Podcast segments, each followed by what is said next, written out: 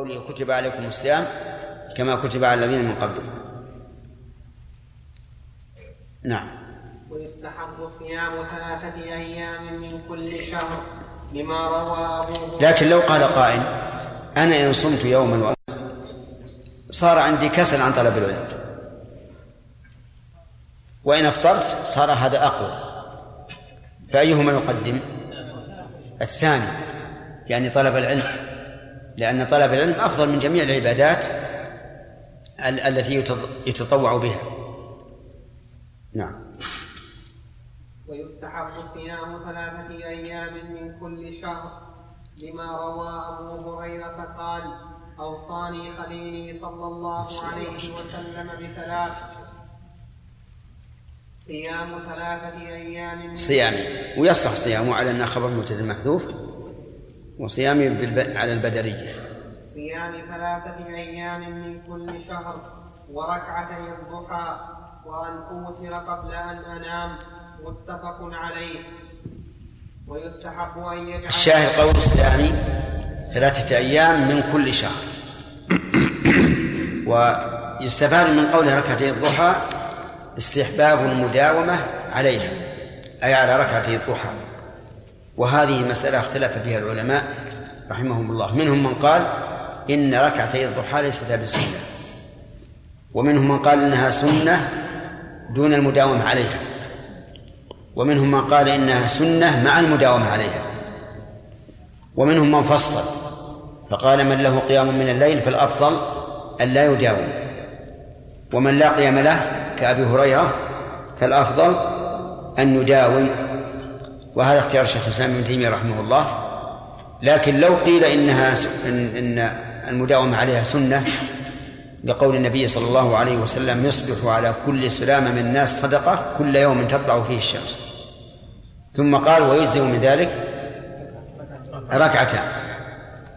لو قيل أن بناء على هذا الحديث تسن كل يوم. لكان له وجه.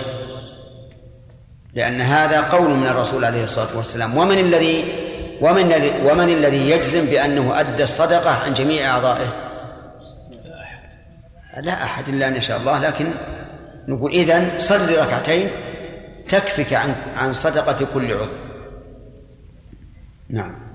ويستحب أن يجعلها أيام البيض لما روى أبو ذر قال قال رسول الله صلى الله عليه وسلم يا أبا ذر إذا صمت من الشهر ثلاثة أيام فصم ثلاث عشرة وأربع عشرة وخمس عشرة وهذا حديث حسن. تعليق تخريج. نفس الكلام المؤلف حسن. صيام أيام البيض هل هذا من باب إضافة الصفة الموصوف إلى الصفة؟ إيش وش التقدير؟ أيام الليالي البيض. وسميت الليالي هذه الثلاث بيضا لبيضاضها بنور القمر. ومن لم يدرك الكهرباء عرف ميزة هذه الثلاث بالإضاءة.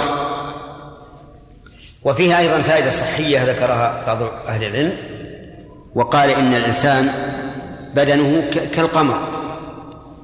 في هيجان الدم. وأنه إذا صام في هذه الأيام الثلاثة عاد هيجان الدم طبيعيا.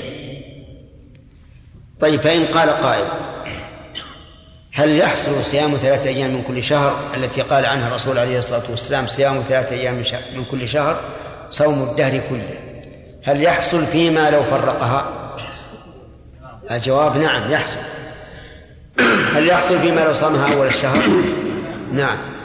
قالت عائشة رضي الله عنها فيما صح عنها كان النبي صلى الله عليه وسلم يصلي ثلاثة أيام من كل شهر يصوم كان يصوم ثلاثة أيام من كل شهر لا يبالي أصامها في أول الشهر أو وسطه أو آخره. لكن تسن في الأيام الثلاثة كما نقول تسن صلاة الضحى والأفضل في آخر الضحى مثلا. نعم. أحسن الله إليكم. ما جاوبت السؤال؟ ما في سؤال لكن تنبيه. ذكرتم بأن هيجان الدم في البدن كالقمر أو كالبحر. لا كالقمر. كالقمر؟ نعم. ويستحب صوم ويستحب صوم الاثنين والخميس. صوم. ويستحب صوم الاثنين. صوم. ويستحب صوم الاثنين والخميس لما روى أسامة أن النبي صلى الله عليه وسلم كان يصوم يوم, يوم الاثنين ويوم الخميس رواه أبو داود. قال محشي إسناده صحيح. أحسنت. طيب. ها؟ بما رأى أسامة؟ عن ذلك فقال إنما أي نعم فسئل عن ذلك وقال إن أعمال الناس تعرض يوم الاثنين والخميس. ها؟ ما موجودة عندك؟ ما قرأتها لا. ما قرأتها. ما قرأتها. إيه ما هي موجودة عندك؟ لا ما هي موجودة. أجل آه، الحقها. بعد يوم الاثنين والخميس فسئل عن ذلك. فسئل عن ذلك. فقال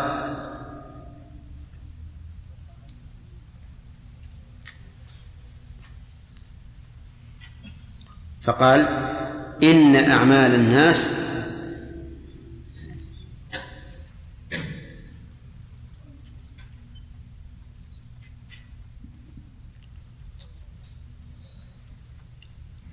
تعرض يوم الاثنين والخميس.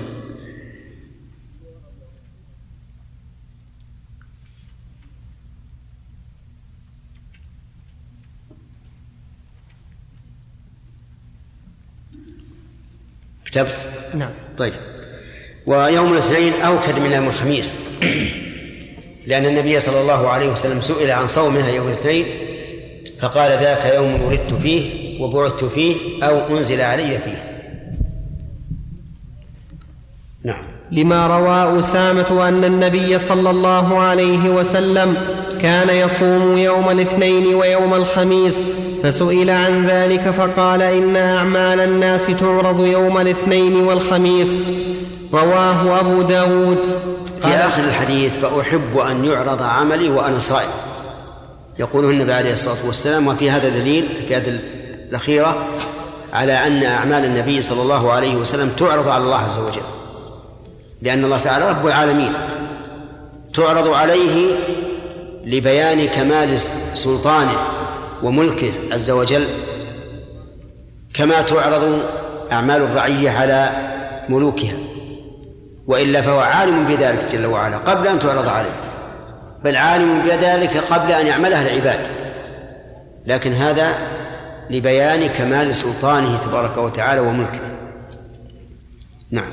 ويستحب الصيام في المحرم لما روى أبو هريرة قال قال رسول الله صلى الله عليه وسلم أفضل الصيام بعد بعد شهر رمضان شهر الله المحرم رواه مسلم وهذا حديث حسن. ما هي عندنا هذه؟ لا أشطب عليها شطبين.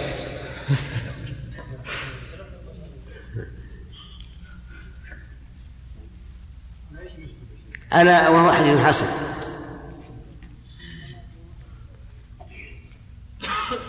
وما أحسن عبارة المؤلف رحمه الله حيث قال يستحب الصيام في المحرم أي في الشهر المحرم الذي هو أول الشهور السنة الهجرية لأنه لا يسن صيامه كاملا خلافا لبعض العلماء الذين قالوا إنه يسن صيامه كاملا لحديث عائشة ما صام النبي صلى الله عليه وسلم شهرا كاملا قط غير رمضان. وقالت أكثر ما يصوم من الشهور نعم شهر شعبان. شهر شعبان. فإكثار الصيام في شعبان أوكد من إكثاره في المحرم. في المحرم. لكن ما صيم في المحرم فهو أفضل من غيره من بقية الشهور. نعم. ويستحب صيام عشر ذي الحجة لما روى ابن عباس قال قال رسول الله صلى الله عليه وسلم ما من أيام العمل الصالح فيهن أحب إلى الله من هذه الأيام. قالوا يا رسول الله ولا الجهاد في سبيل الله؟ فقال رسول الله صلى الله عليه وسلم ولا الجهاد في سبيل الله إلا رجل خرج بنفسه وماله فلم يرجع بشيء من ذلك. وها من ذلك بشيء. عندنا من ذلك بشيء. عندكم هكذا؟ اللي عندنا اللي عندي هو الموافقة للرواية. فلم يرجع. من ذلك بشيء. حطوا ميم على ذلك على من ذلك وميم على بشيء. وهذا حديث حسن صحيح. قال المحشي. ما هي عندنا حسن؟ أي أقول اشطبوا عليها؟ نشطب عليها. نعم. حسن؟ على حسن. حسن صحيح. حديث صحيح بس. قال المحشي. إسناده صحيح. زين. وصوم يوم عرفة كفارة سنتين وهو التاسع. إذا قال قائل إنه لم يذكر الصيام.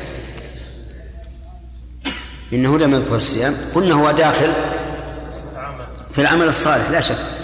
وهو من أفضل الأعمال الصالحة. إن قال قائل إن عائشة نفت أنه يصوم العشر. قالت ما رأيته صائما العشر قط.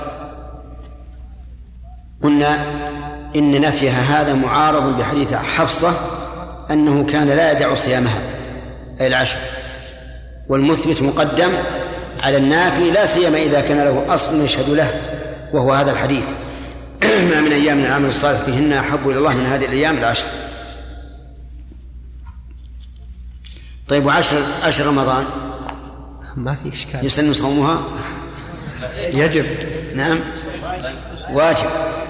حتى لو صامها تطوعا فإنه لا يصوم. نعم. جاوبت السؤال. نعم. شيخ ما الحكمة في صيام الحكمة؟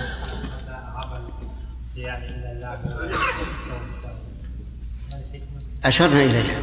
ألم نشر إليها؟ نعم. لأن فيها القيام بحق النفس وحق الله. نعم. يا شيخ بعض العلماء فضل عشرة ذي الحجة آه، بالأيام وفضل عشرة دعنا ما وصلنا إلى إلى إلى أي أيهما أفضل عشر الحجة وعشر رمضان. نتكلم عن العمل الصالح. شيخ نعم. الله شيخ. قلنا أن الإكثار من الصيام في شعبان إيش؟ إكثار الصيام في شعبان نعم. أفضل من إكثاره. في محرم. نعم. طيب الان حديث عشر من ذي الحجة. قلنا أن الصيام يدخل في الأعمال. نعم. فلا يكون هذا يا شيخ حفظكم الله أفضل من الصيام في المحرم؟ اللي هو؟ الصيام العشر من ذي الحجة. ربما يقول نقول هذا لكن ما دام ورد حديث صريح في أفضل الصيام بعد يكون الصيام وإن كان فاضلا في اشهر الحجة لكنه في محرم أفضل. نعم. لأنه لفظ صريح. عبيد ثلاثة. اذنا له ما يخالف. بارك الله فيكم قد تقرر ان الحسنة في عشر امثالها نعم. والحديث قيد من صام رمضان وسعى بست من شوال. معلوم أن من صام غير شوال الحسنه بعشر امثاله يكون أيضا شهرين. لا. هذا يجاب عنه بأن المراد أن أن ثواب الستة تلحق بثواب رمضان. ومعلوم أن ثواب الفرض؟ أفضل. أو يجاب عنه بأن الحسنة بعشر أمثالها لا تساوي الحسنة بعشر أمثالها بالنسبة للست. لأن الست في بالنسبة لرمضان كالراتبة بالنسبة للصلوات. وفضل الرواتب أكثر من فضل النفل المطلق. وصوم يوم عرفة عرفت كفارة الجواب الآن؟ من وجهين نعم. أقرأ. نعم. وصوم يوم عرفة كفارة سنتين وهو التاسع من ذي الحجة. وصوم عاشوراء كفارة سنة وهو العاشر من المحرم. لما روى أبو قتادة عن النبي صلى الله عليه وسلم أنه قال يوم عرفة إني أحتسب على الله أن يكفر السنة التي قبله والسنة التي بعده. وقال في صيام يوم عاشوراء إني أحتسب على الله أن يكفر إني أحتسب على الله أن يكفر السنة التي بعده. رواه مسلم. نعم. ولا يستحب لمن بعرفة أن يصوم. ليتقوى على الدعاء لما روى ابن عمر قال حججت مع النبي صلى الله عليه وسلم فلم يصم ومع أبي بكر فلم يصم ومع عمر فلم يصم ومع عثمان فلم يصم فأنا لا أصومه ولا آمر به ولا أنهى عنه. حديث حسن. من روى؟ حديث حسن فقط.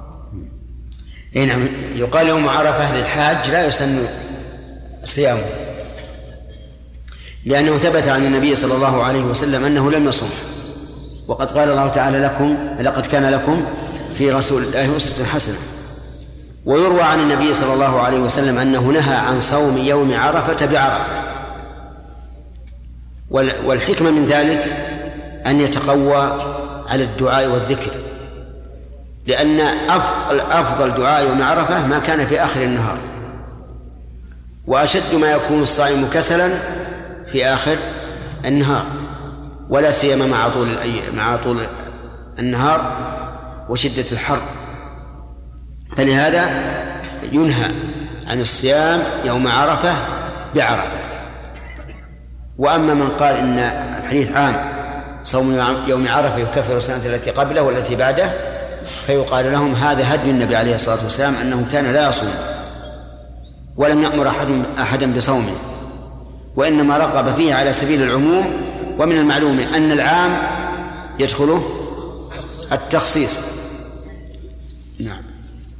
ومن صام ش... ومن صام شهر رمضان وأتبعه بست من شوال وإن فرقها فكأنما صام الدهر لما روى أبو أيوب قال أبي لما روى أبو؟ أيوب. نعم. لما روى أبو أيوب قال قال رسول الله صلى الله عليه وسلم من صام شهر رمضان وأتبعه بست من شوال فكأنما صام الدهر كله. رواه مسلم. وس- وسبق لنا أن أن النفل قبل القضاء فيه روايتان رواية بالجواز ورواية بالمنع وهو المذهب. و وأما صيام الست من شوال فلا بد أن تكون بعد بعد بعد رم- بعد القضاء وقبله لا تصح لأن الحديث ثم أتبعه. وذكر الأخ صالح يقول إن إنه وجد حديثا بالمسند أن من عليه القضاء فإنه لا يصوم. لا ست من شوال ولا غيره وطلبت منه أن يحرره بتخريجه وبيان سنده نعم. ها؟ نعم. أيهن؟ حديث ابن عمر؟ يقول عندي حديث حسن. وعندي. والمحشي. فقط؟ طيب وأنا ال- حق الكتاب. الحبيب إيه؟ الكتاب في المنزل. و- ومعلقا على ذا؟ أنقل كلام المؤلف هنا. طيب. لأنه أخف حمل والنسخة. صحيح. وانفع لك أنت نسخه إيه. لأن اللي عندك عارية ما هي؟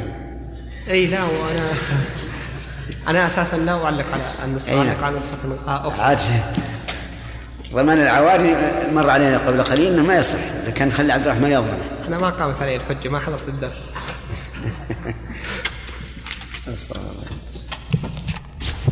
يا كاف المهمات. يا الله.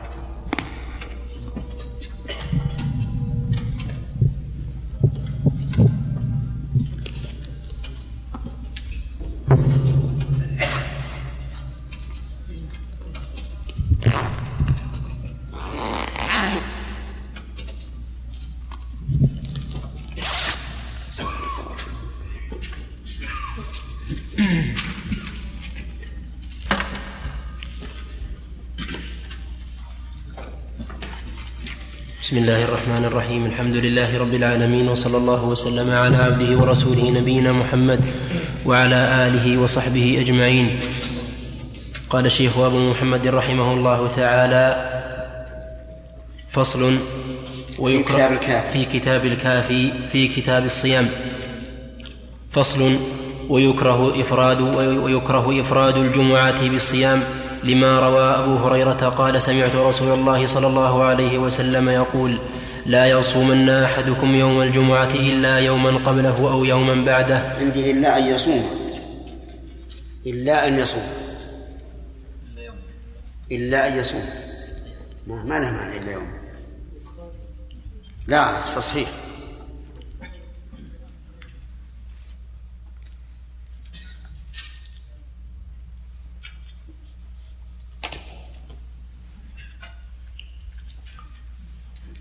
لما روى أبو هريرة قال سمعت رسول الله صلى الله عليه وسلم يقول لا يصومن أحدكم يوم الجمعة إلا أن يصوم يوما قبله أو يوما بعده متفق عليه. وإفراد يوم, وإفراد, وإفراد يوم السبت بالصوم لما روي عن النبي صلى الله عليه وسلم أنه قال لا تصوموا يوم السبت إلا فيما افترض عليكم وهذا حديث حسن صحيح. فإن صامهما معا لم يكره صحيح ما هي عندي. عندكم صحيح؟ ها؟ إيه لكن من اللي عنده تخريج فيه نسخة للتخريج نعم ها؟ زيادة من الطبع إيه في المطبوع لكن تخريجه؟ عندي أنا شيخ. ها؟ نسخة خالد نعم. يقول آه، المحقق المحشي آه، إسناده صحيح إيه. لكن في الأصل حديث حسن. شيخ ذكر حاشي ورواه ها؟ رواه الترمذي في سننه. رواه الترمذي؟ نعم طيب. نترك صحيح. خلها على ما. لا صحيح لا لا, لا تكتب اشطب عليها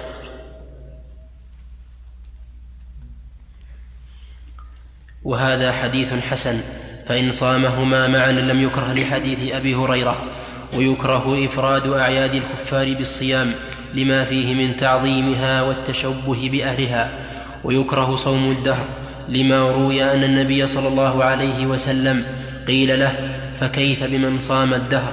قال لا صام ولا أفطر حديث حسن. ولأنه, يت ولأنه, ولأنه يشبه التبتل المنهي عنه ويكره إفراد رجب بالصوم لما فيه من تش... لما فيه من تشبهه برمضان. وقد روي عن خرشة قال رأيت عمر رأيت عمر يضرب أكف الناس حتى يضعوها في الطعام يعني في رجب. حتى إيش؟ حتى يضعوها في الطعام. يضعها. وعندي يضعوها أيضا. حتى يضعوها نصف. ولا تشبيهه وتشبهه. يعني تشبه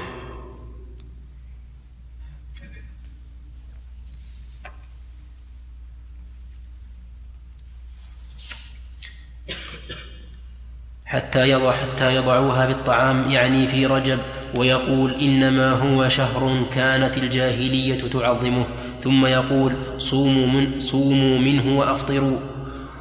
وروى سعيد بن منصور أوله بمعناه ولم يقل فيه صوموا منه وأفطروا. وقال أصحابنا لا قال هذا الفصل ذكر به رحمه الله الأيام الأيام التي يكره صومها. أولا يوم الجمعة. يكره صومها يعني إفرادها. إفراد يوم الجمعة. وأيضا يزاد قيد آخر لأنه يوم الجمعة. إفراد يوم الجمعة لكونه يوم الجمعة. أما لو أفرد يوم الجمعة لأنه لا يتفرغ إلا في هذا اليوم فلا بأس. لأنه لم يفرد هذا اليوم لأنه يوم الجمعة ولكن لأنه لا فراغ له إلا في هذا اليوم. ويدل لذلك قول النبي صلى الله عليه وعلى آله وسلم لا تخصوا يوم الجمعة بصيام ولا ليلتها بقيام. أخرجه مسلم. هذا واحد. دليله قول النبي صلى الله عليه وسلم لا يصومن أحدكم يوم الجمعة إلا أن يصوم يوما قبله أو يوما بعده. وحينئذ نسأل لماذا لا نحمل النهي على على التحريم؟ لأن الرسول أكد النهي لا يصومن فلماذا لا نقول إنه حرام؟ نقول لأن الرسول عليه الصلاة والسلام أباح صومه إذا ضم إليه يوم قبله أو يوم بعده ولو كان صومه حراما ما ما صار حلالا بالضم كصوم يوم العيد مثلا. فإنه لا لا يص... لا, لا, لا, لا يجوز صومه ولو ضم إليه يوما آخر قبله أو بعده. فإن قال قائل ما هي الحكمة في النهي عن صوم يوم الجمعة مع أنه يوم فاضل هو عيد الأسبوع قلنا لكونه عيد الأسبوع نهي عن صومه. وليتفرغ الناس فيه للعبادة لأن يوم الجمعة له عبادات خاصة فمن أجل أن يتفرغوا فيه نهي عن عن إفراده. وكذلك يكره إفراد يوم السبت بالصوم لما روي عن النبي صلى الله عليه وسلم أنه قال لا تصوم يوم السبت إلا فيما افترض عليكم وهذا حديث حسن. وإنما يكره إفراده لأن النبي صلى الله عليه وسلم قال في صوم يوم الجمعة إلا أن تصوموا يوما قبله أو يوما بعده ولأنه دخل على إحدى أمهات المؤمنين وهي صائمة يوم الجمعة. فقال لها أصمت أمس؟ قالت لا. قال أتصومين غدا؟ قالت لا. قال فأفطري. فدل ذلك على أن صوم يوم السبت مضموما إليه يوم الجمعة ليس بمكروه ولا منهي عنه. وهذا الحديث الذي أشار إليه المؤلف آه نعم. قال بعض العلماء إنه منسوخ. في حديث أبي هريرة وحديث أم المؤمنين. رضي الله عنها وقيل إنه شاذ لمخالفة الحديث الصحيح فلا يعتمد. ولهذا اختلف العلماء في صوم يوم السبت أي في إفراده والصحيح ما ذهب إليه المؤلف لأنه قول وسط وهو أنه يكره إفراده ولا يكره جمعه إلى يوم الجمعة. وكذلك أيضا قال المؤلف إن صامهما لم يكره لحديث أبي هريرة. يكره إفراد إفراد صيام عندكم. إفراد أعياد الكفار بالصيام لما فيه من تعظيمها والتشبه بأهلها. يكره أن يفرد أعياد الكفار بصوم. وبناء على ذلك يكره إفراد يوم الأحد. لأن يوم الأحد نعم عيد للنصارى هو جمعته. فيكره إفراده لأن فيه نوع من التشبه بهم بتعظيم هذا اليوم. والعجيب أن بعضهم قال يسن صوم. لأن أيام الأعياد في الشريعة الإسلامية إيش؟ منهي عن صومها. منهي عن صومها. فتكون أعياد الكفار على العكس. مأمورا بصومها. ولكن ينبغي أن يقال إن خيف من ذلك أي من إفراد صومها أن يفتتن الكفار والناس بالصوم ويقولون إنه صيم لأنه يوم معظم فهنا الكراهة قوية جدا ومتوجهة. وإن كان الناس لا يعلمون شيئا كما كنا من قبل لا نعرف أن أن عيد آه، النصارى هو يوم الأحد ولا نهتم بهذا فلا بأس لأنه يوم من الأيام لم يرد النهي عنه. والعلة العلة مفقودة في قوم لا يدرون عن أعياد عن عن أعياد الكفار. طيب أعياد رأس السنة للكفار هل يكره صومها؟ بناء على ذلك يكره أن يصومها لأن ذلك لأن في ذلك نوعا من تعظيمها فيكره إفرادها كم ذكرنا الآن؟ إفراد الجمعة إفراد السبت إفراد آه لا إفراد كل عيد الكفار الأحد وغير الأحد؟ نعم. طيب. يكره صوم الدهر. ولو قال ولو قيل بتحريمه لكان له وجه. لأنه قل أن يصوم أحد الدهر كله إلا ويضيع شيئا من شرائع الله. لكن المذهب أنه يكره أن يصوم الدهر كله. ومعلوم أن هذا يستثنى منه الأيام التي يحرم صومه فإن صومها حرام. مثل يوم العيد العيدين وأيام التشريق. والصحيح أنه أق... أن أقل الأحوال الكراهة لقول النبي صلى الله عليه وسلم لا صام من صام الأبد ولأن عبد الله بن عمرو بن العاص لما طلب أن يزيده في الصيام قال لا أفضل من ذلك وهو صوم يوم وفطر يوم. طيب. الخامس إفراد رجب بالصوم. فإنه يكره لأن رجب كأحد الأشهر الأربعة آه، الحرم. ليس له عبادة خاصة لا صوم ولا صلاة ولا غيرها لكنه كالأشهر الحرم لأنه واحد منها.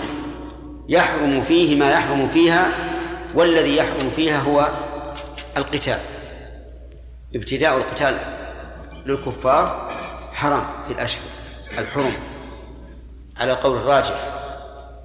لكن إذا كان امتدادا لقتال سابق فلا بأس. أو خيف هجوم الكفار فلا بأس أن نبدأهم. أما بدون سبب فإن الله سبحانه وتعالى حرم الأشهر القتال في أشهر الحرم. وكان كانوا في الجاهلية يعظمون رجب ويؤدون فيه العمرة. ولهذا صار محرما القتال فيه. ويوجد الآن مع الأسف مخلفات من الجاهلية في المسلمين. فإن من الناس الآن من يعظم رجب ومن يذهب ويعتبر فيه ومن يذهب إلى المدينة ويزور المسجد النبوي ويسمون هذا الرجبية. يسمونها الرجبية. نعم؟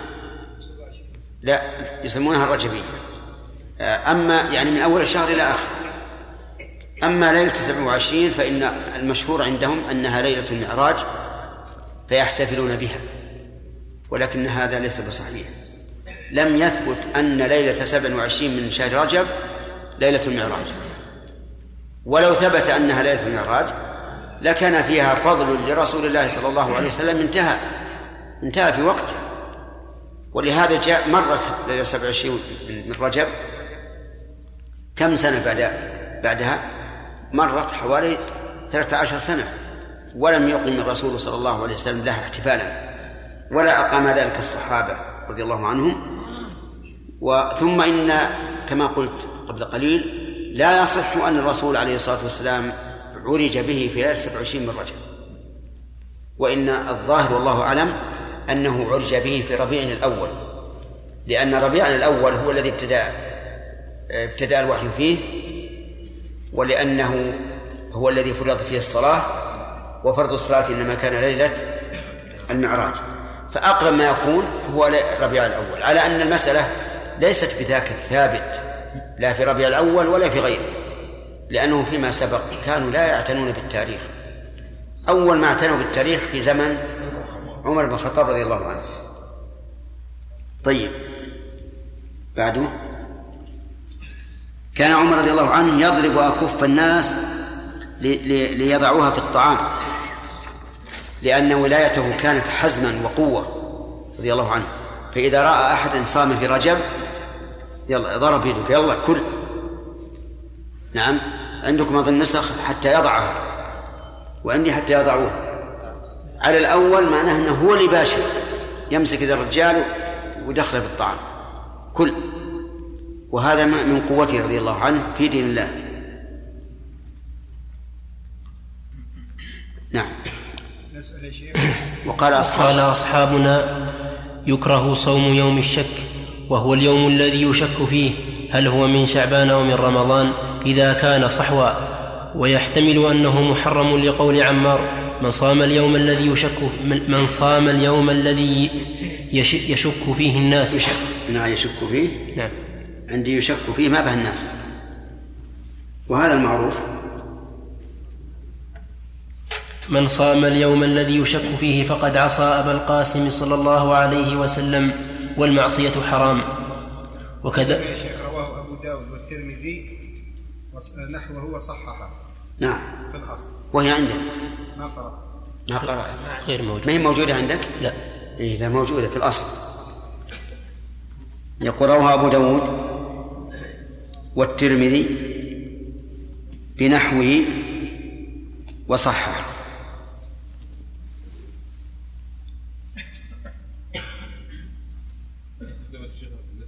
ها؟ إيه احذفوها اي صح تصحيح. الذي يشك فيه.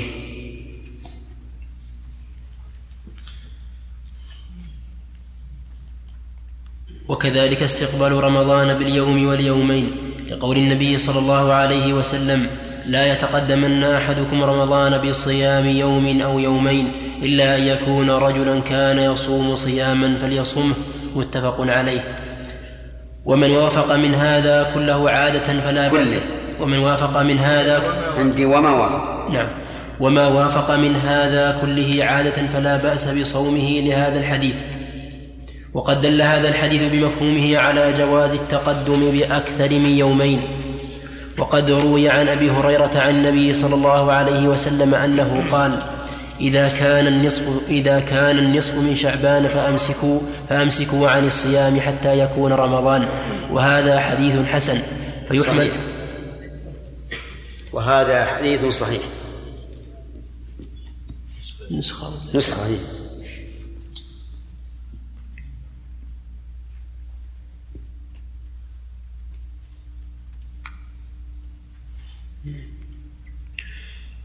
فيحمل الأول على الجواز وهذا على نفي الفضيلة جمعا بينهما. نعم. فيكون معناه فأمسكوا عن الصيام أي على وجه الأفضلية. نرجع إلى تتبع المسائل هذه. قال يكره قال أصحابنا يكره صوم يوم الشك وهو الذي يشك فيه هل هو من رمضان هل هو من شعبان؟ أم من رمضان. إذا كان صحوا. تفسيره ليوم الشك بأنه الذي يشك هل هو من رمضان أو شعبان صحيح. لكن قوله إذا كان صحوا غير صحيح. لأنه إذا كان الجو صاحي وتراءى الناس الهلال ولم يروه فليس فيه شك أن أنه الليلة من شعبان. وإنما يكون الشك إذا كان هناك غيم أو قتر فإذا كان هناك غيم أو قتر فإنه ينهى أن يصوم الناس لأن لأن النبي صلى الله عليه وسلم قال إذا رأيتموه فصوموا إذا رأيتموه. ونحن لم نره. والرسول صلى الله عليه وسلم يعلم أن الجو يكون غائما أحيانا وصحوا أحيانا. ولهذا قال عمار بن ياسر من صام اليوم الذي يشك فيه فقد عصى أبا القاسم صلى الله عليه وسلم. وقول المؤلف رحمه الله يحتمل أنه محرم واستدل بأثر عمار بن ياسر وهو مرفوع حكما كما هو اصطلاح المحدثين. ولكنه محمول على من صامه احتياطا فإنه يحرم عليه. لتعدي حدود الله. لأن الله إنما لأن لأن الرسول إنما أمر بالصوم. متى؟ إذا رأيناه. فإذا صامه قبل الرؤية فقد تنطع في دين الله وقد قال النبي صلى الله عليه وعلى آله وسلم هلك المتنطعون. هذه مسألة. وكذلك استقبال رمضان باليوم واليومين لقول النبي صلى الله عليه وسلم لا يتقدمن أحدكم رمضان بصوم يوم أو يومين إلا أن يكون رجلا كان يصوم صوما فليصوم.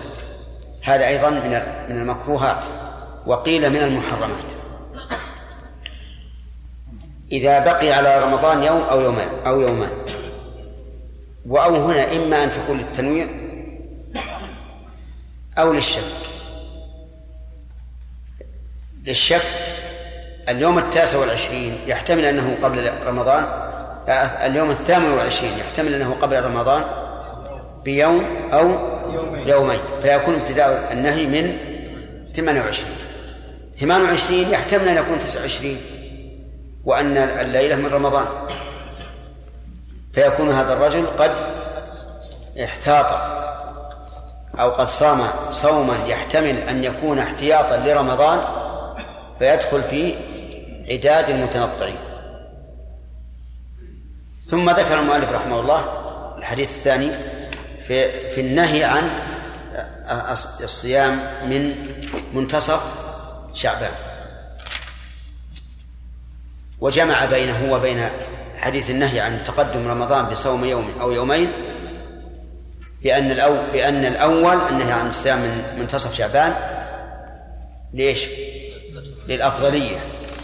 يعني لا تصم على وجه الأفضلية وإن صمت فلا شيء لا شيء عليك.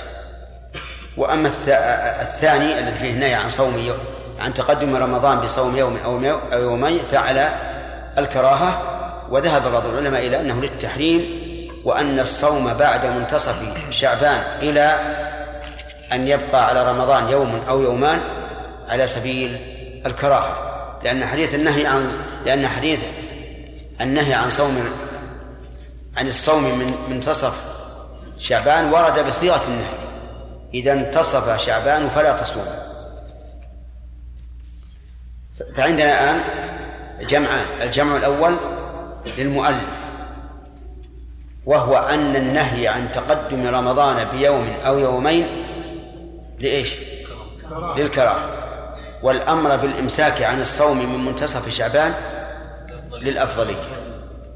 الوجه الثاني أن النهي عن الصوم قبل رمضان بيوم أو يومين للتحريم والنهي عن الصوم من منتصف رمضان إلى أن يكون بينه وبين رمضان يوم من منتصف شعبان إلى أن يكون بينه وبين رمضان يوم أو يومان.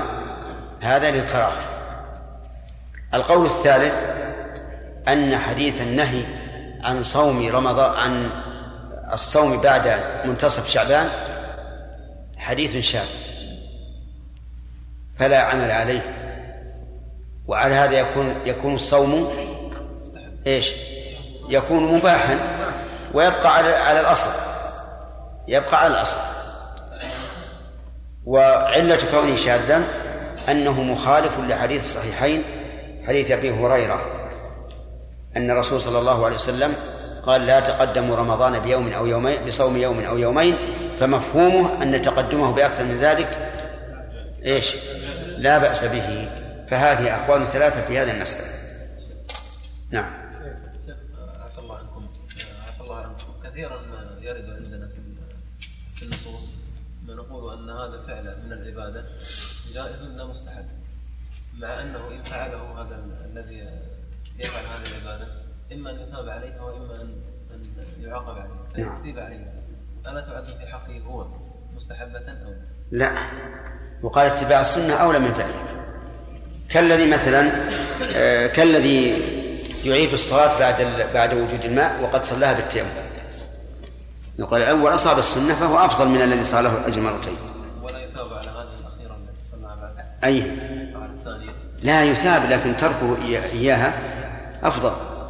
يثاب ثوابا أفضل.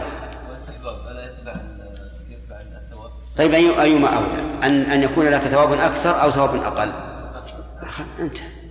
نعم. شيخ بارك الله فيكم. هل يمكن يا شيخ أن تصوروا لنا يعني صيام داوود على يعني على الواقع؟ مثلا نبدأ يوم الخميس. نعم. سنقع في نهي عن الصيام عن إفراد مثلا يوم السبت. طيب. السبب في ذلك يعني كيف؟ أنه إذا إذا كان إحنا قلنا لكم قبل قليل. المنهي عنه أن تخصصه بالصوم. أن تخصصه بالصوم. أما إذا كان هناك سبب مثل أن يكون الإنسان لا يتفرغ إلا في يوم السبت والجمعة أو كان هناك سبب بأن كان قد بقي عليه من صيام ثلاثة أيام من الشهر يوم واحد ولم يبقى في الشهر إلا إلا يوم السبت. أو الجمعة.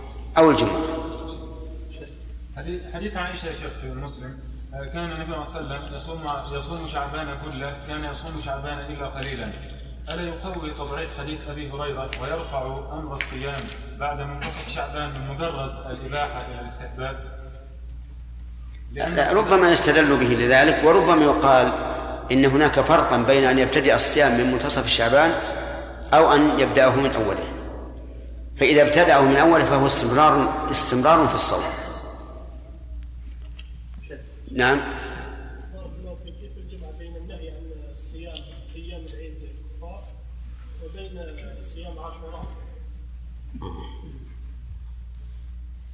الفرق الجمع هو أن الرسول صام عاشوراء وأمر الناس بصيامه وقال اليهود نحن أحق بموسى منكم. فهذا ثبت فيه النص فيتبع. انتهى الوقت. ما يخالف انتهى الوقت الآن ما في قراءة نعم إيش؟ نعم اي نعم في الصحيحين؟ إيه. إحنا ذكرنا لكم من المؤلف رحمه الله من جهة الحديث آه، ليس له عناية تامة في هذا أحيانا يقول يروى وهو الحديث صحيح لعله الحسن اللغوي لا لا. هذه حيلة يا كمال لا يستعمل يا شيخ. لا لا. إنه حتى فسروا قول الترمذي حديث حسن صحيح. إيه.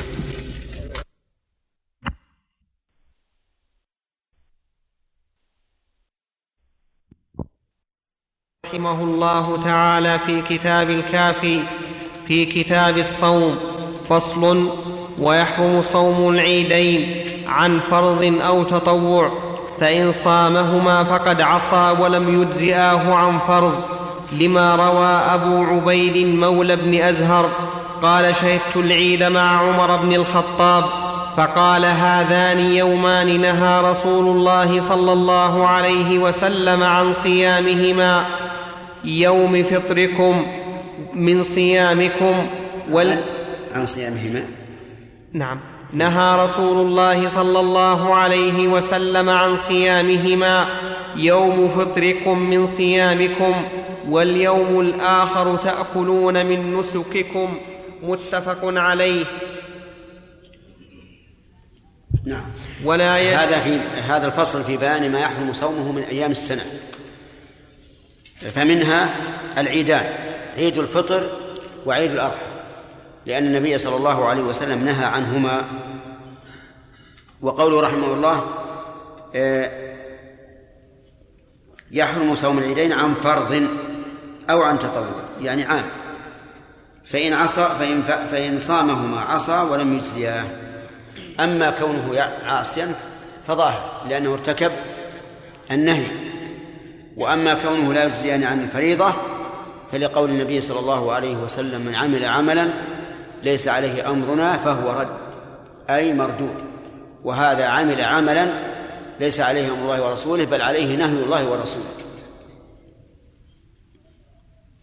ثم ذكر اثر عمر رضي الله عنه وبين أنه روى عن النبي صلى الله عليه وسلم أنه نهى عن صيام يوم الفطر ووجه ذلك أنه يوم الفطر من الصوم ليكون حاجزا بينا بين ما يجب صومه وما لا وما لا يجب. لأنه لو وصل صيام رمضان بصوم يوم العيد لم يتبين الشهر مما بعده. وهو يشبه النهي عن عن تقدم صوم عن تقدم رمضان بصوم يوم أو يومين. نعم. ولا يجوز أما الثاني فعلله بأنهم بأنه يوم ناكل فيه من النسك. ولو صام الإنسان لفات هذا الأمر. وهذا مما يدل على وجوب الأكل من الأضحية لأنه إذا حرم الصوم لأجل الأكل دل ذلك على أن الأكل واجب وإليه ذهب كثير من أهل العلم. وبه نعرف أن أولئك القوم الذين يرسلون الدراهم للأضحية في مكان من العالم أنهم على خطأ لأنهم لم يقيموا هذه الشعيرة العظيمة التي رأى يعني تشوف الشارع إلى أن تكون في البلاد الإسلامية كلها. ولأن الذين يرسلون هذه الدراهم ليضحى بها يشكل عليهم يعني أمرهم مشكل. من الذي يتولى ذبحها وهل يسمي أو لا يسمي؟ ثم إذا اجتمعت دراهم كثيرة فمن الذي يستطيع أن يشهد بأن أضحيته ذبحت في أيام الذبح الذبح؟ قد تكون مع الزحمة والكثرة لا تذبح إلا بعد أيام الذبح. ثم لو فرض أنها لم تكثر تلك الكثرة العظيمة فمن الذي يضمن أن توجد المواشي في ذلك المكان حتى تستوعب كل ما أرسل إليها. لكن بعض الناس تكون عندهم عاطفة بدون تأمل. وبدون تعقل.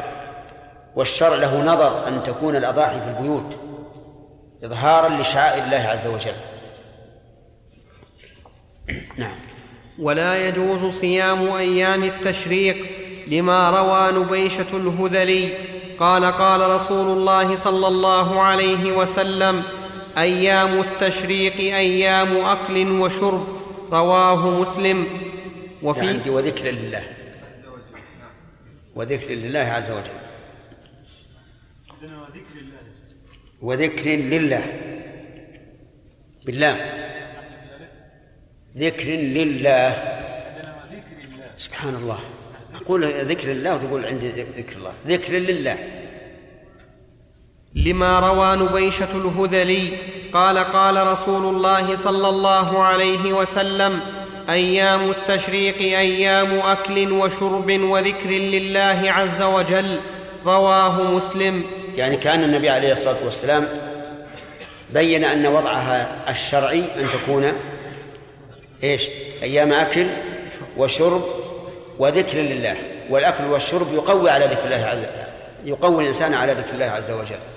فهذا موضوع هذه الأيام أيام التشريق. وهي ثلاثة أيام من بعد عيد الأضحى. أما أما رمضان فليس فيه أيام تشريق. والتشريق هنا بمعنى وضع اللحم في الشمس. وكانوا فيما سبق يشرحون اللحم ويضعون عليه الملح ثم ينشرونه في الشمس من أجل أن ييبس فيدخروه يدخروه عندهم كل السنة أو أقل أو أكثر حسب ما ما هو ما عندهم من اللحم. المهم أن التشريق هو وضع اللحم في الشمس مأخوذ من شروق الشمس حتى ييبس ويمكن ادخاره. هذه الأيام لا يجوز صومها لأنه وضعت شرعا للأكل والشرب والذكر وال- والصوم يمنع من هذا الأكل والشرب ويكسل البدن عن ذكر الله عز وجل. نعم. وفي صيامهما للفرض روايتان. إحداه صيامهما؟ نعم. نعم. أنا عندي في صيامها. وهذا هو الصواب. صححوها وصي- في صيامها أي أيام التشريق. وفي صيامها للفرض روايتان. إحداهما يحرم لهذا الحديث والثانية يجوز لما روي عن ابن عمر وعائشة أنهما قالا لم يرخص في أيام التشريق أن يصمن إلا لمن لم يجد الهدي. رواه البخاري. وقسنا على صوم المتعة صوم كل فرض لأنه في معناه. نعم. إذن أيام التشريق لا يجوز صومها تطوعا. وهل يجوز أن أن أن, أن تصام عن فريضة؟ في ذلك قولان لأهل العلم. وهذان القولان إذا قلنا بجواز صومهما في الفريضة فهل يجوز لكل فرض كالنذر مثلا وقضاء رمضان أو خاصة في من لم يجد الهدي ممن أحرم بمتعة أو قران ولم يجد الهدي؟ حديث ابن عمر وعائشة رضي الله عنهم يدل على أنه لم يرخص في صومهما في في صومها إلا لمن لم يجد الهدي. ومعلوم أن التخصيص يختص بالصورة التي وقع فيها التخصيص. وإذا قلنا أن النص ورد بتحريم صيام أيام التشريق ثم جاء هذا الترخيص فيختص بماذا؟ بالصورة التي فيها التخصيص وهي صيام من لم يجد الهدي كما قالت عائشة وابن عمر. مثال ذلك رجل حج متمتعا أو حج قارنا. فيجب عليه الهدي. فإن لم يجد صام ثلاثة أيام في الحج وسبعة إذا رجع. وأما قول المؤلف رحمه الله إنه يجوز صيام الفرض فيها في غير من لم يجد هدي في حق نعم. فهذا غير صحيح. والقياس لم يتم. وذلك لأن صيام الصيام عن دم المتعة خصه الله تعالى في الحج. وهذا مفقود فيما سواه من الفرض. إذ أن ما سواه من الفرض يمكن أن تصومه في أي وقت. لكن الأيام الثلاثة قال الله تعالى صيام ثلاثة أيام في الحج وأيام التشريق من أيام الحج. فالصواب أنه يحرم صوم أيام التشريق إلا لمن لم يجد الهدي. وأيضا شرط آخر لمن لم يجد الهدي في صيام الثلاثة التي في الحج. وليس في صيام السبعة. فلو أن الإنسان الذي لم يجد الهدي صام ثلاثة أيام قبل الطلوع يعني قبل يوم عرفة ثم شرع في صوم السبعة في أيام التشريق فصومه محرم ولا يصح. فعلى هذا فمن ثم نعلم أنه لا بد من قيدين. أن يكون صومها إيش؟ لمن لم يجد هدي من من المتمتعين والقارين. والشرط الثاني أن تكون الأيام الثلاثة التي في الحج. نعم. فصل ومن دخل في صيام تطوع فله الخروج منه ولا قضاء عليه وعنه عليه القضاء لأنها عبادة فلزمت بالشروع كالحج والأول المذهب. لما روت عائشة رضي الله عنها قالت قلت يا رسول الله أهديت لنا هدية أو جاءنا زور وقد خبأت لك شيئا. قال ما هو؟ قلت حيث. قال هاتيه فجئت فأكل ثم قال قد كنت أصبحت صائما. رواه مسلم. ولأن كل صوم لو أتمه كان تطوعا لا يلزمه إتمامه. لا يلزمه إتمامه وإن خرج منه لم يلزمه قضاؤه كما لو اعتقده من رمضان فبان من شعبان. نعم. هذه في مسألة من شرع في صوم تطوع. فهل له أن يفطر بلا عذر؟ أو لا يجوز إلا بعذر؟ من العلماء من قال إنه لا يجوز إلا بعذر قياسا على الحج والعمرة. لأن الله تعالى قال وأتموا الحج والعمرة لله وهذا الأمر قبل أن ينزل فرض الحج. لأنه كان في إيش؟ في في غزوة الحديبية في السنة السادسة من الهجرة ووجوب الحج إنما كان في التاسعة أو العاشرة. فمن العلماء من قال كل عبادة واجبة كل عبادة ولو تطوعا شرع فيها فإنه لا يجوز له الخروج منها إلا لعذر والصواب أنه يجوز الخروج من صوم التطوع بلا عذر لكن يكره إلا لغرض صحيح. وقلنا يكره لأنه لأن الله تعالى قال ولا, ولا تبطلوا أعمالكم ولأن فيه عزوفا عن إتمام العبادة وهروبا من إتمامها. فلا ينبغي للإنسان أن يخرج حتى من النفل إلا لسبب شرعي لغرض صحيح. وأما حديث عائشة فلعل النبي صلى الله عليه وسلم كان مشتهي للطعام ويريد أن أن يعطي نفسه حظها. ولهذا قال لقد كنت أصبحت صائما. أي صائما صياما شرعيا. ولكن لننظر هل القياس على الحج والعمرة صحيح؟ فإن قلنا إنه صحيح وقلنا يجب من لزم من شرع في تطوع أن يتمه وأجاب عن الحديث بأن معنى قوله فلقد أصبحت صائما أي صوما لغويا.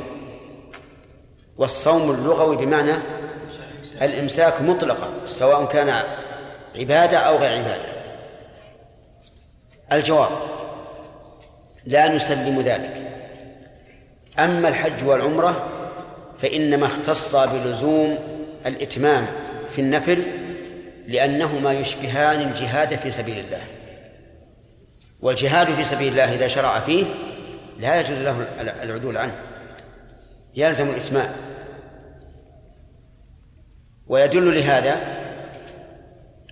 أن الله تعالى ذكر هذه الآية بعد قوله وأنفقوا في سبيل الله ولا تلقوا بأيديكم إلى التهلكة وأحسنوا إن الله يحب المحسنين وآتموا الحج والعمرة لله وهذا إشارة إلى أن الحج والعمرة من الجهاد في سبيل الله.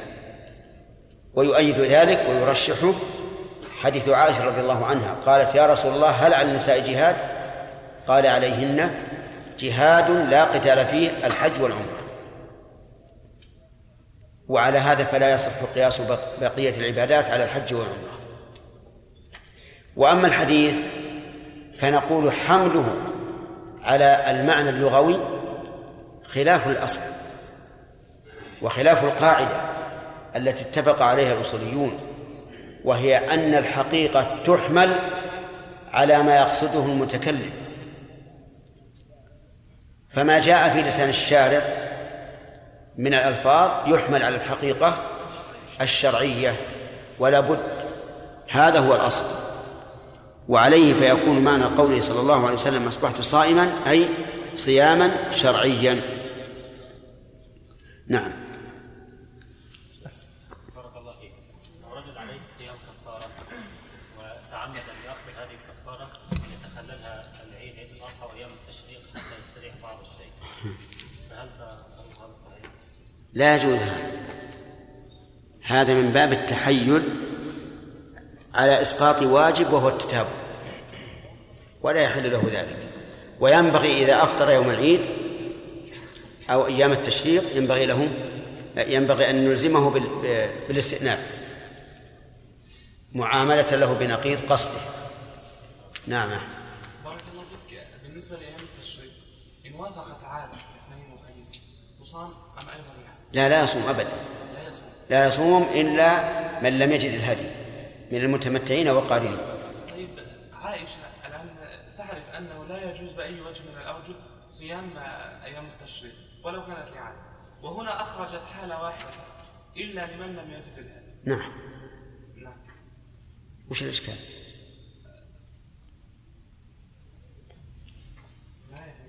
ما في إشكال. هي تقول لم يرخص في أيام التشريق نعم آه، يوم الشك يوم الشك أيضا حرام. وقلنا أنه يجوز صيامه آه، إن وافق حال لأن الرسول رخص. وأيضا قال لا تصوم لا تقدموا رمضان بصيام يوم أو يومين. ما ذكر الشك الرسول. فيمكن أن نقول لا تقدموا بصيام يوم أو يومين. فإذا قدر أن اليوم الثاني أو ذلك اليوم هو يوم الشك فلا تصوم. وأن مراد الرسول عليه الصلاة والسلام في أيام غير شك الجو صح عرفت؟ نعم. الله عليك شيخ في كلامنا على حديث أبي هريرة في آه، كل عمل ابن آدم له من الصيام فإنه لي.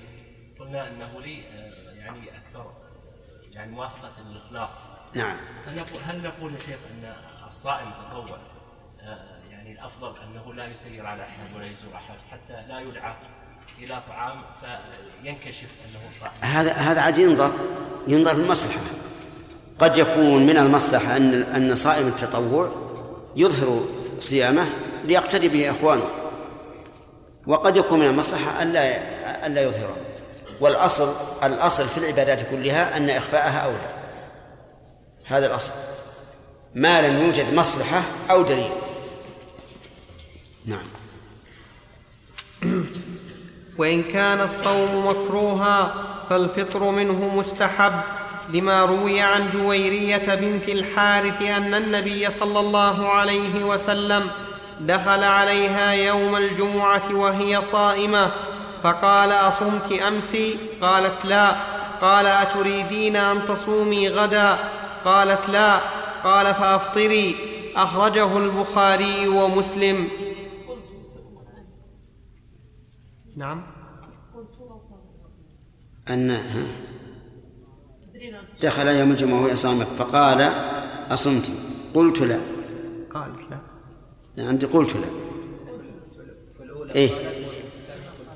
قلت لا. قال أتريدين أن تصومي غدا؟ قلت لا. قال فأفطري. كلها عندي قلت. ولا إشكال فيها لأن هذا على حكاية الحال. أصبر عندكم أنتم قالت؟ اجعلوه نسخة. يعني اللي عنده الأولى قالت يكتب نسخة قلت. والثانية موافقة لنسخة.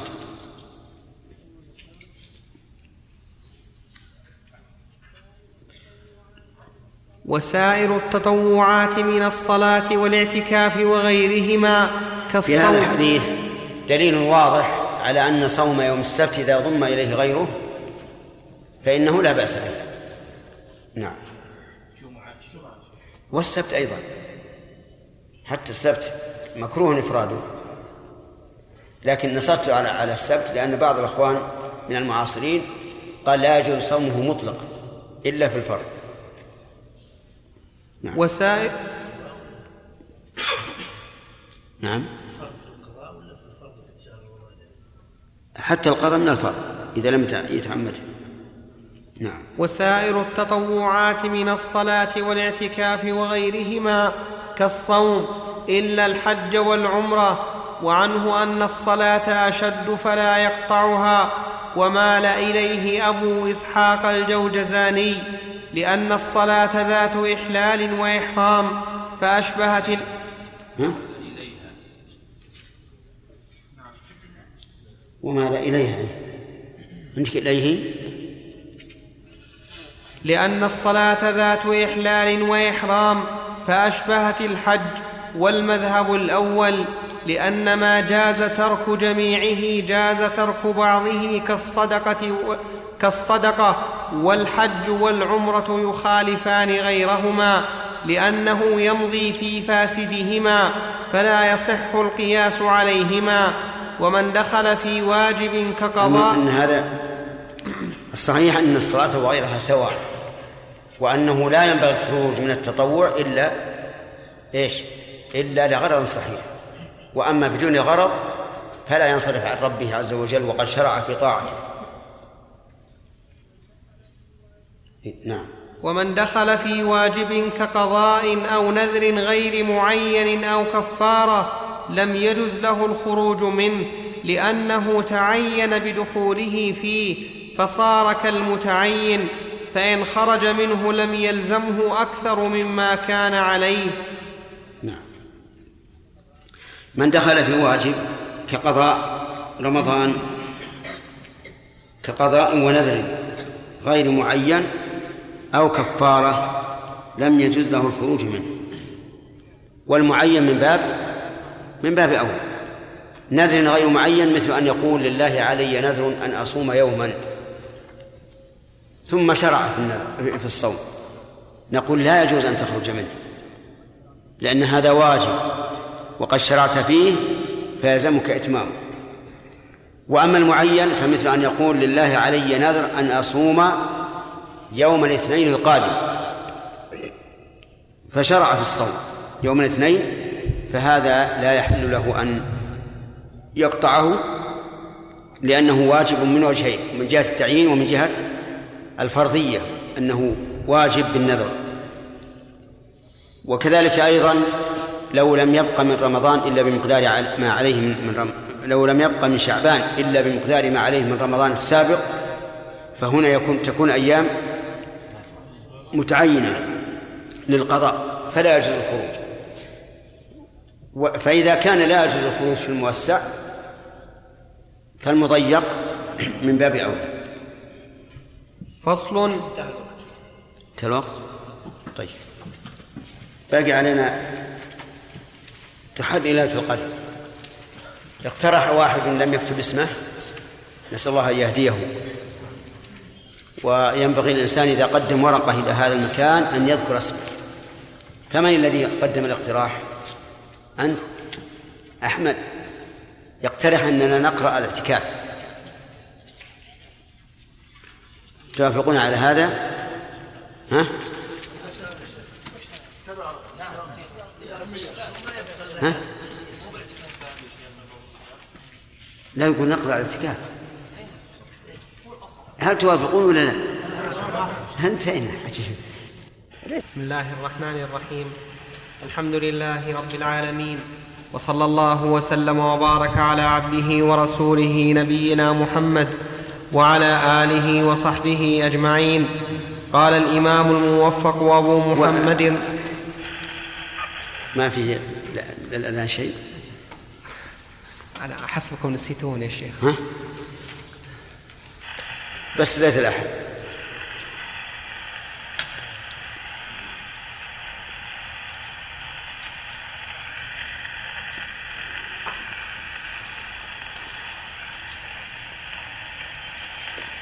قال الإمام الموفق أبو محمد رحمه الله تعالى في كتاب الكافي في كتاب الصوم فصل ويستحب عادل تسمعون قراءة القارئ؟ ويستحب تحري ليلة القدر لقول الله تعالى ليلة القدر خير من ألف شهر وهي في رمضان. لأن الله تعالى أخبر أنه أنزل فيها القرآن وأنه أنزله في شهر رمضان فيدل على أنها في رمضان.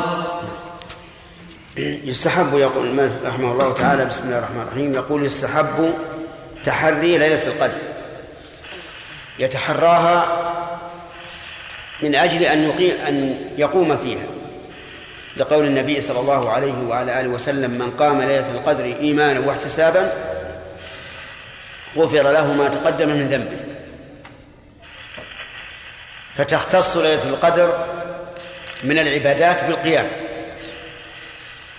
وأما ما يفعله بعض الناس الآن في مكة أو قريبا من مكة أو بعيدا منها يتحرونها بأداء العمرة فيها فهذا بدعة.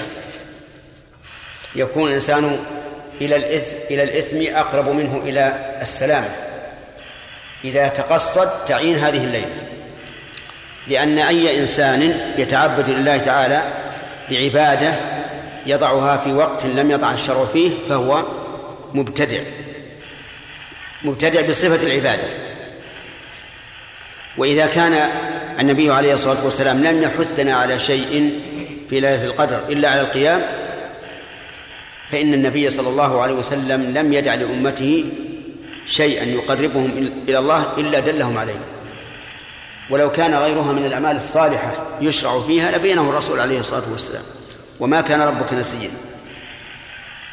ثم إن هذه الليلة سميت ليلة القدر إما لشرفها وهي شريفة لا شك وإما لأنه يقدر فيها ما يكون في تلك السنة لقول الله تعالى فيها يفرق كل أمر حكيم أي يفصل ويبين كل أمر من أمر الله عز وجل وشؤونه سبحانه وتعالى في عباده حكيم مبني على الحكمة.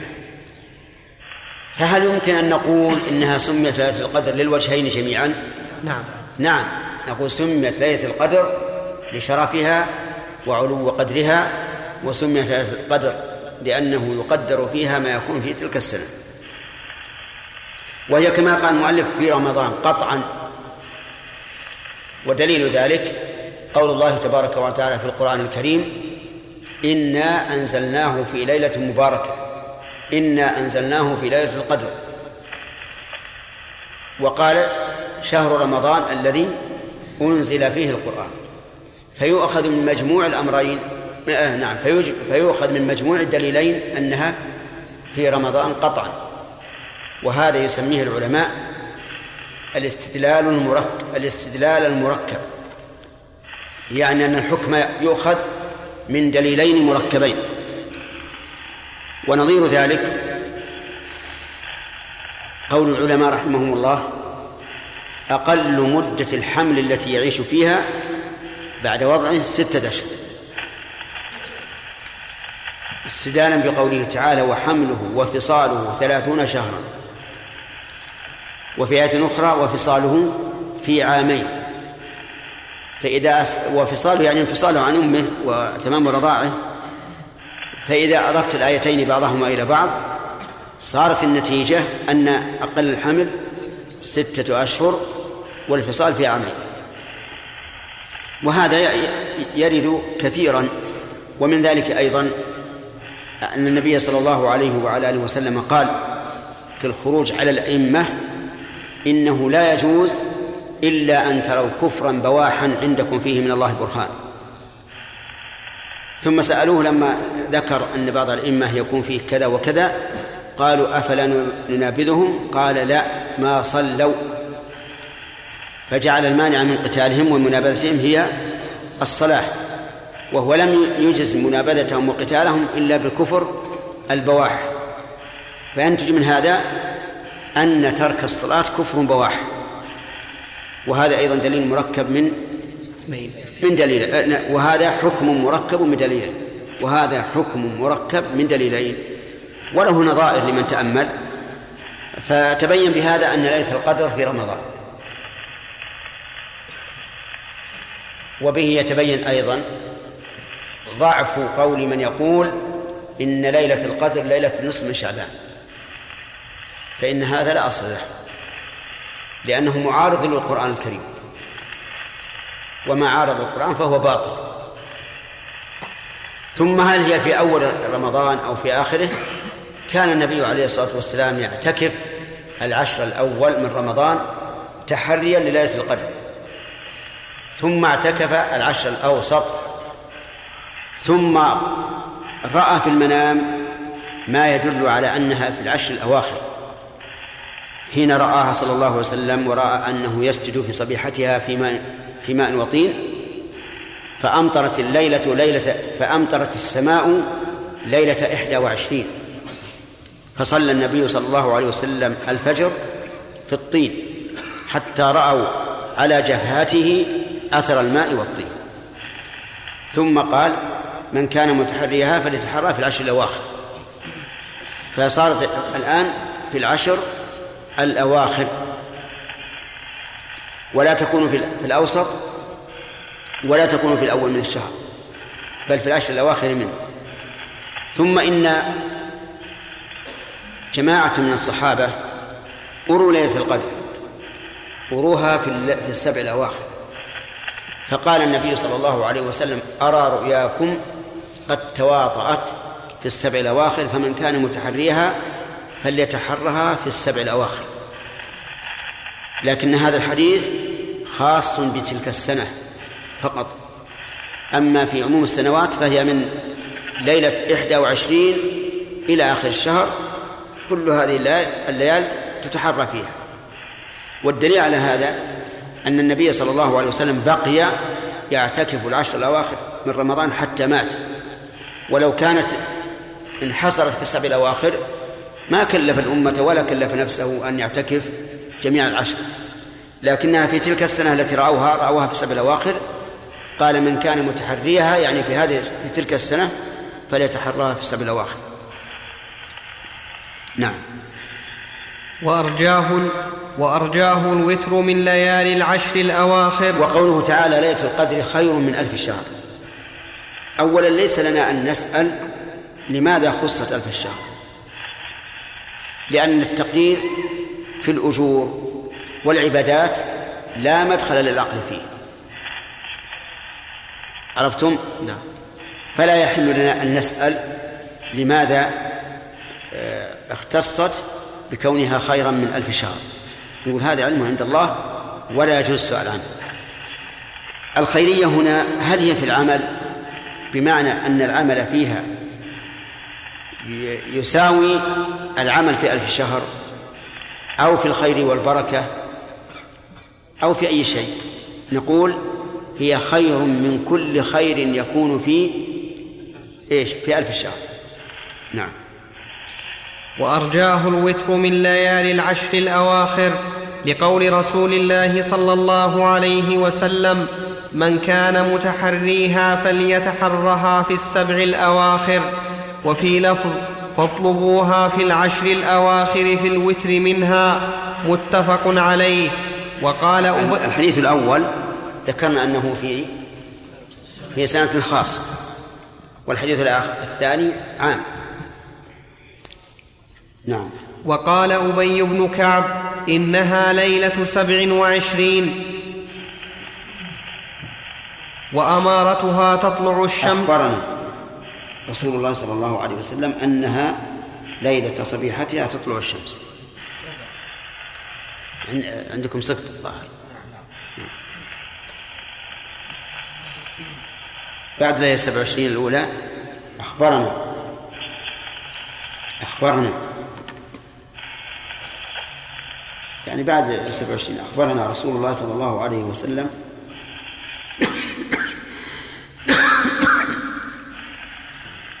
أنها ليلة صبيحتها. أنها ليلة صبيحتها. تطلع الشمس.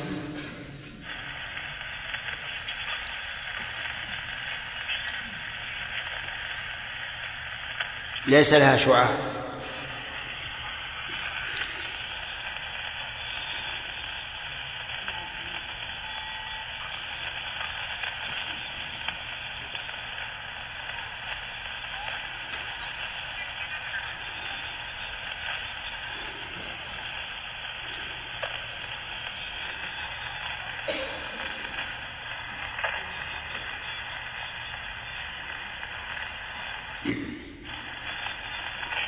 نعم.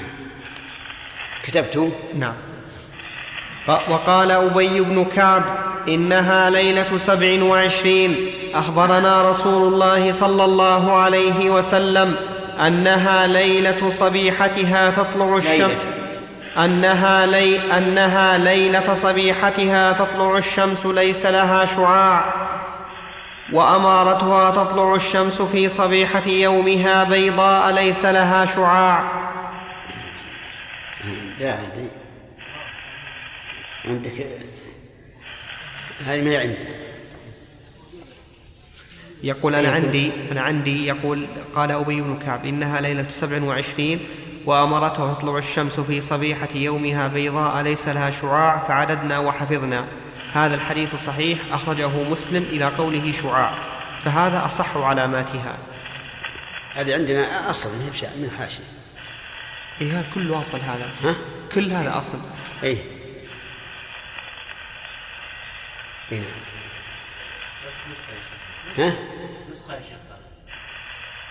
نسخة لكن اللي اللي عندنا ما هي ما فيها الغالب اني عندي مضبوطة صحيحة النسخة وهي توافق اللي عند بعض الإخوان نعم.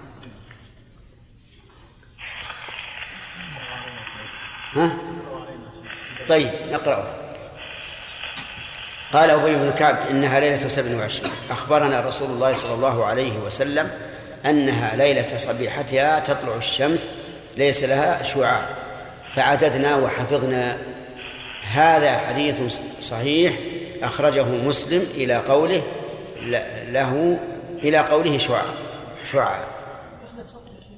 وبعدين إلى قوله شعاع. فهذا أصح علاماتها. وقد روي إلى آخره.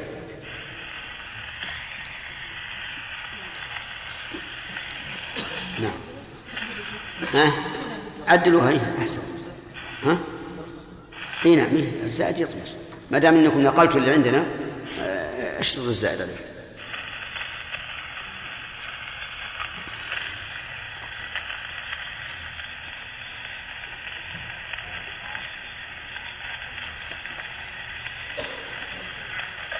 فهذا أصح علاماتها وقد روي عن النبي صلى الله لكن لو قال قائل هذه العلامة لا تكون إلا بعد انتهائها لأن الله قال سلام هي حتى مطلع الفجر.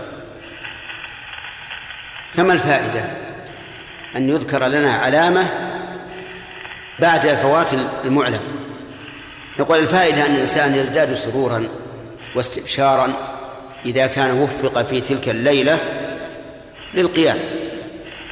ولا شك أنه إذا قيل للإنسان بعد فعله أصبت سيسر وإذا قيل لم تصب فإنه لا يسر وفي أيضا علامات أخرى ذكر منها ما يأتي في الحديث.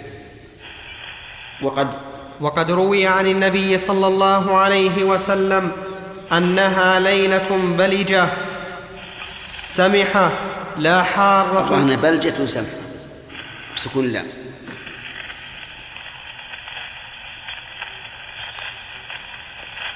وقد روي عن النبي صلى الله عليه وسلم أنها ليلة بلجة سمحة لا حارة ولا باردة تطلع الشمس صبيحتها بيضاء لا شعاع لها من المسند.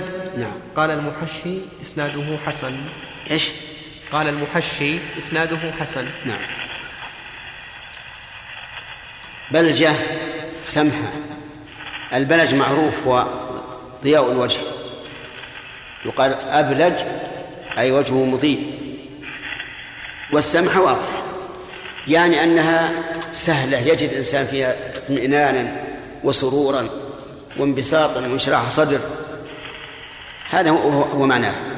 وأما قول لا حارة ولا باردة هذا في زمن يكون ما قبلها وما بعدها حارا نسبيا. أو باردا نسبيا لكن لو وقعت في الشتاء فستكون باردة أو في الصيف ستكون حارة. لكن بالنسبة لما قبلها وما بعدها تكون في زمن الشتاء أدفأ مما قبلها وبعدها وفي زمن الصيف أبرد مما قبلها وبعدها. أما أن تكون كأنك في وسط الربيع وهي في قلب الشتاء فأظن أن هذا ليس مرادا لرسول الله صلى الله عليه وعلى آله وسلم. إذ لو كان مرادا وبقيت الليالي العشر كلها باردة لكان لكانت ليلة القدر في هذه السنة. إيش؟ لا لكانت لا توجد. إذا كانت كل الليالي باردة بناء على أن هذا هو حل حل الجو معناها ما فيه. لو قلنا إنها لا حارة ولا باردة. وصار وقت الشتاء في قلب الشتاء وصارت الليالي كلها باردة. معناه؟ ما في. وكذلك بالعكس إذا كان الجو حارا لكن أراد النبي والله أعلم أنها بالنسبة لما قبلها في زمن الشتاء تكون أدفأ وفي زمن الصيف تكون أبرد. هذا الظاهر والله أعلم. إذا صح الحديث. نعم. وروى أبو سعيد عن رسول الله صلى الله عليه وسلم أنه قال قد أريت هذه الليلة ثم أنسيتها ثم أنسيت ثم أنسيتها وقد رأيتني أسجد في صبيحتها في ماء وطين قال أبو سعيد فأمطرت, فأمطرت تلك الليلة فأمطرت تلك الليلة وكان المسجد على عريش فوقف المسجد فأبصرت عيناي رسول الله صلى الله عليه وسلم.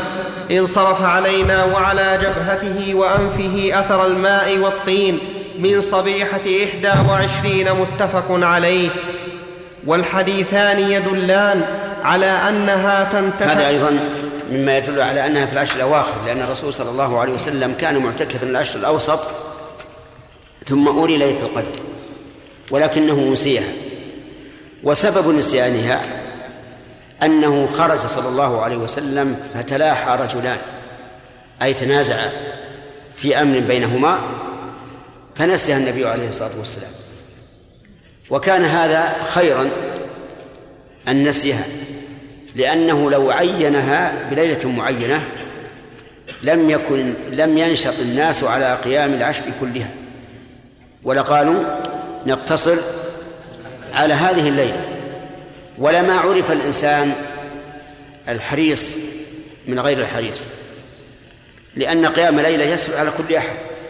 لكن لكن قيام عشر, عشر ليال فيه صعوبة لا أحد يصبر عليه إلا من كان حريصا على نيل الأجر والثواب. فكان في هذا حكمة. نعم.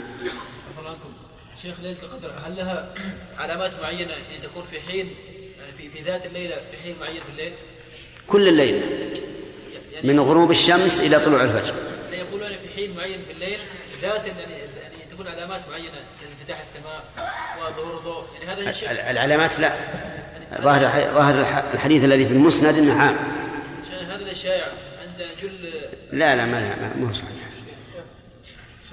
إذا رأى الإنسان علامة من العلامات أو إذا إذا رأى الإنسان في صبيحة ليلة القدر علامة مثلا ظهرت الشمس بلا شعاع نعم. فهل يكون هذا مسوغ لأن يتكاسل؟ هذا سؤال جيد. يقول إذا عرف أن الليلة ليلة القدر قد مضت حين رأى الشمس بيضاء ليس لها شعاع فهل معناها أن يدع هذا بقية العشر؟ لا لا. ويقول ليلة القدر انتهت فصار باقي الليالي كغيرها من من من ليالي الشهر. أنا أخشى أن يحرم الأجر لتكاسله وأن يكون قيام الليالي بعدها كالتطوع بعد الفريضة يعني يكمل به أجر إدراكها لماذا يحصل القيام؟ القيام يحصل نعم يحصل القيام بما ذكره النبي عليه الصلاة والسلام لما قالوا يا رسول الله لو نفلتنا بقية ليلتنا قال من قام مع الإمام حتى ينصرف كتب له قيام ليلة. فنقول إذا قمت مع الإمام في أول الليل وفي آخر الليل إن كان يأتي في آخر الليل حتى ينصرف فقد حصلت الأجر. فإن قال قائل ما تقولون في فيما إذا كان المسجد فيه إمامان يتناوبان. فهل تجعلون كل كل إمام صلاته منفردة عن الآخر؟ بمعنى أن من شهد الصلاة مع الإمام الأول في أول الليل وانصرف الإمام ثم جاء الثاني في آخر الليل فمن أدرك الأول حتى انصرف فقد قام الليل كله ومن أدرك الثاني حتى انصرف فقد قام الليل كله الظاهر لا لأن هذين الإمامين قاما في هذا المسجد بإيش؟ بالتناوب فهما كإمام واحد فهما كإمام واحد وعلى هذا فلا بد من أن يقوم مع الأول والثاني. وإلا فلا يحصل له الأجر. نعم. ثلاثة. أربعة. ثلاثة ولا أربعة؟ ثلاثة. طيب. على بالنسبة لسؤال الأخطاء يا شيخ ألا يمكن أن يقال في الجواب عنه آه، أنه هذا الذي تكاسل ما الذي أدراه أن الله تقبل منه العمل في هذه الليلة؟ أي ربما لا لا يقبل منه. هنا ربما لا يقبل يكون هذا من باب التكميل.